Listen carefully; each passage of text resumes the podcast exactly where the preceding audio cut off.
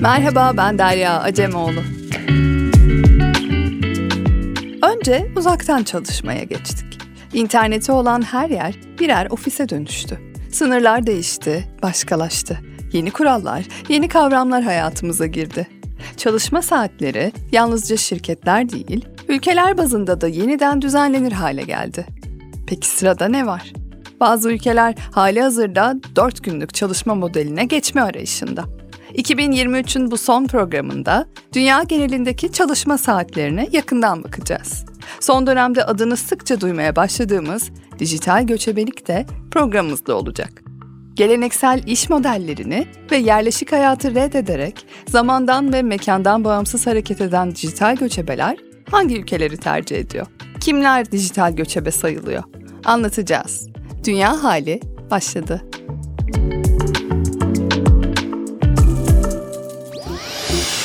Dünya hali.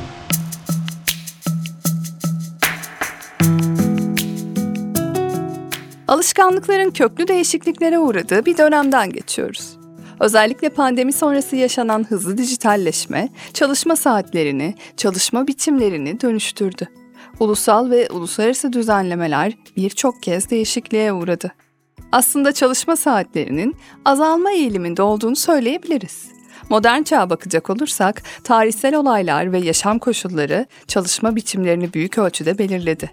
Örneğin Birinci Dünya Savaşı sırasında çalışma saati haftada ortalama 55 saat civarındaydı. Hatta bazı işçiler askeri teşhisat talebini karşılayabilmek için 72 saatlik bir çalışma temposu içindeydi. Üretim bandı sayesinde üretimin serileşmesi olarak tanımlanabilecek Fordizmle günde 8 saatlik çalışma yani 9-5 sistemi yeni normal haline geldi. 70'lerden sonra yeni üretim sektörlerinin ortaya çıktığı esnek üretim sistemi devreye girdi. Bugünse artık haftada 4 günlük çalışma koşulları gündemde. Çalışanların aynı iş yükü, aynı maaş ve aynı sosyal haklara sahip olacakları 4 günlük çalışma modeline geçen ülkelerin sayısı yavaş yavaş artıyor. Bunu yapan ilk Avrupa ülkesi ise Belçika oldu.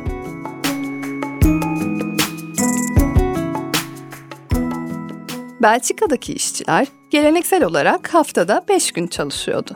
2022'nin başlarında Belçika hükümeti işçilerin haftada 4 gün çalışmayı seçmesine olanak tanıyan iş reformu başlattı. Bu kapsamda işçilerin işverenlerinden 6 ay boyunca haftada 4 günlük çalışma süresi talep etmelerine izin veriliyor. Sonrasında isterlerse haftada 5 günlük çalışmaya geri dönmeyi seçebiliyorlar. Ülkede geleneksel olarak haftalık çalışma süresi 38 saat. Ancak bu süre çalışanlar ve işverenler arasındaki anlaşmalara göre değişiklik gösterebiliyor. Prensip olarak işçilerin haftada ortalama 38 saatten fazla çalışmaları beklenmiyor. Bir işçi daha fazla çalışmayı seçerse kendisine ek tatil günleri tahsis ediliyor. Ancak toplam çalışma süresi haftada 40 saati geçemiyor.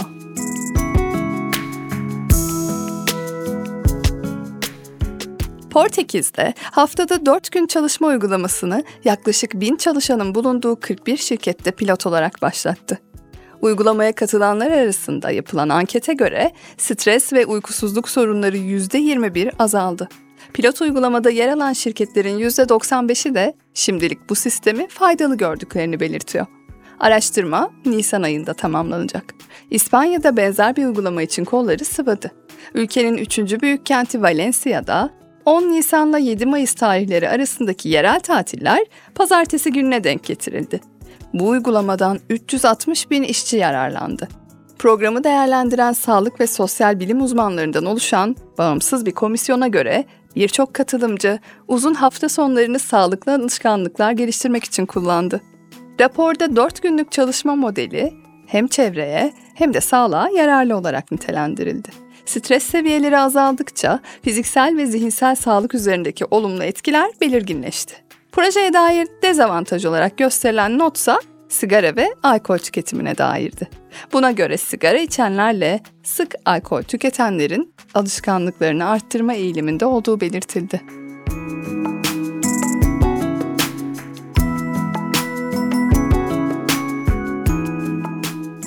Fransa'da 4 günlük çalışmanın yaygınlaştığı ülkelerden. Kısmi olarak uygulandığını söyleyebiliriz. Ülkede yasal olarak haftalık çalışma süresi 35 saat. Fransız Le Monde gazetesine göre Fransa'da bazı şirketler çalışanlarının 4 günde 35 saat çalışmasına zaten izin veriyor. Çalışma Bakanlığı'na göre de hali hazırda 10 bine yakın işçi bu çalışma modeli içinde. Lyon'daki binlerce kamu çalışanı da artık maaşlarında kesinti olmaksızın haftada 5 gün yerine 4 gün çalışma seçeneğine sahip. Kıta Avrupa'sındayken İzlanda'dan da bahsetmek gerekir. İzlanda 2015-2019 yılları arasında dünyanın en büyük ve en uzun denemelerinden birini gerçekleştirdi. Deney araştırmacılar arasında ezici bir başarı olarak değerlendirildi. Çalışanların refahı, iş yaşam dengesi ve üretkenliğinin arttığı bildirildi. Bugün çalışanların yaklaşık %90'ı 4 günlük çalışma sistemine dahil.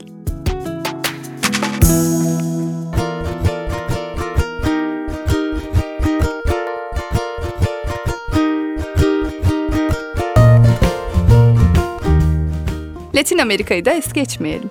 Şili, çalışma saatlerinin azaltılması yönünde adım atan ülkelerden. Ülkede haftalık çalışma süresinin kademeli olarak 5 yıl içinde 45 saatten 40'a indirilmesi öngörülüyor.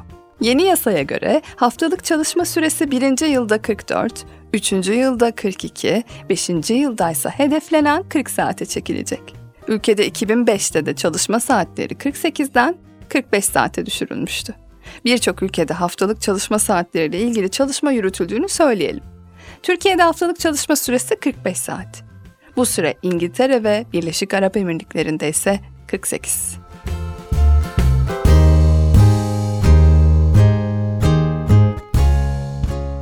Çalışma saatleri tartışılırken yeni iş tanımları, kavramlar da hayatımıza giriyor. Mesela dijital göçebelik. Son yıllarda popüler bir kavram haline gelen dijital göçebelik, yerel ve küreseli birbirine yakınlaştıran yeni bir yaşam tarzı. Özellikle pandemi döneminde esnek çalışma ve seyahat etme özgürlüğü arayan birçok kişi tarafından tercih edilmeye başlandı.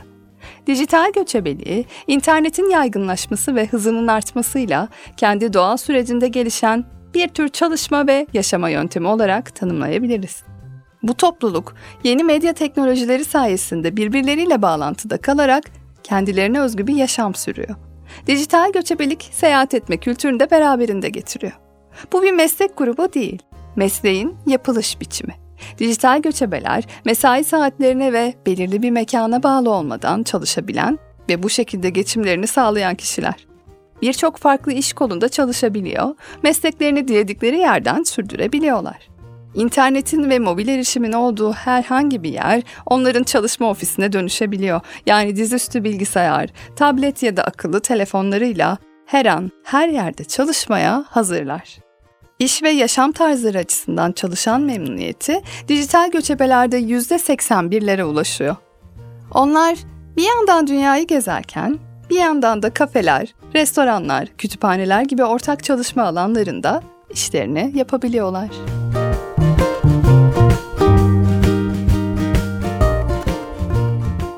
Yani bu bir yandan yeni bir turist modeli demek. Zaten dijital göçebeler internet hızının yüksek, aylık yaşam maliyetinin düşük olduğu turistik destinasyonları tercih ediyor. En çok seyahat ettikleri 5 ülke Tayland, Arjantin, Endonezya, Meksika ve Portekiz.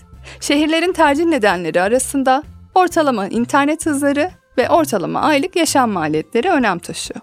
Bu iki kriter göz önüne alındığında özellikle Bangkok, Buenos Aires ve Bali öne çıkıyor. Şunu da söyleyelim. Dijital göçebeler bilinenin aksine sürekli göç etmiyor. Bu gezginlerin çoğu her varış noktasında aylar geçiriyor. Sadece %9'u bir yılda ondan fazla ülkeye seyahat ediyor. Artık dijital göçebe vizesi de hayata geçmiş durumda. Dijital göçebe vizesi için kişilerin uzaktan çalıştıklarına dair resmi bir belge, seyahat sigortası ve belli bir seviyenin üzerinde gelirlerin olduğuna dair bir kanıt talep ediliyor. Bu vize için aranan şartların ülkeden ülkeye değiştiğini de söyleyelim. Dünya artık küresel bir köy. Bir yerlere ulaşmak, hareket etmek kolaylaştı. Zaman ve mekan sınırlaması olmadan dijital altyapının olduğu her yer iş yerine dönüşebiliyor. Dijitalleşme ile tam zamanlı olarak bir ofisten çalışmanın yanı sıra esnek çalışma, uzaktan çalışma, serbest çalışma gibi alanlar popüler hale gelmiş durumda. Üstelik öyle görünüyor ki bunlar daha başlangıç.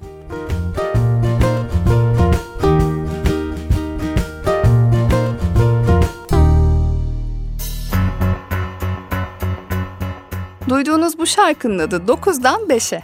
Seslendiren Dolly Parton, aynı adlı komedi filmi için yazmış bu şarkıyı.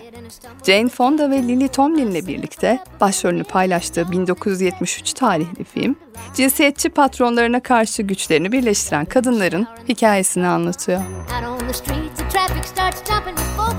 Dünya halinin ve 2023'ün böylece sonuna geldik. NTV Radyo olarak herkese mutlu bir sene dileriz. Haftaya yeniden görüşmek üzere.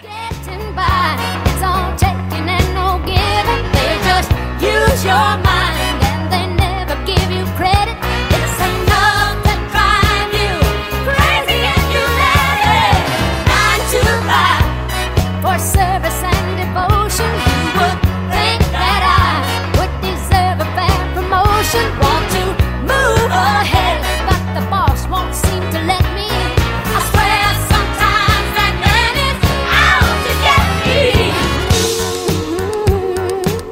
NTV Radyo Just to watch him shatter. You're just a step on the boss man's ladder, but you got dreams he'll never take away. In the same boat with a lot of your friends, waiting for the day your ship will come in and the tide's gonna turn and it's all gonna roll your way. Looking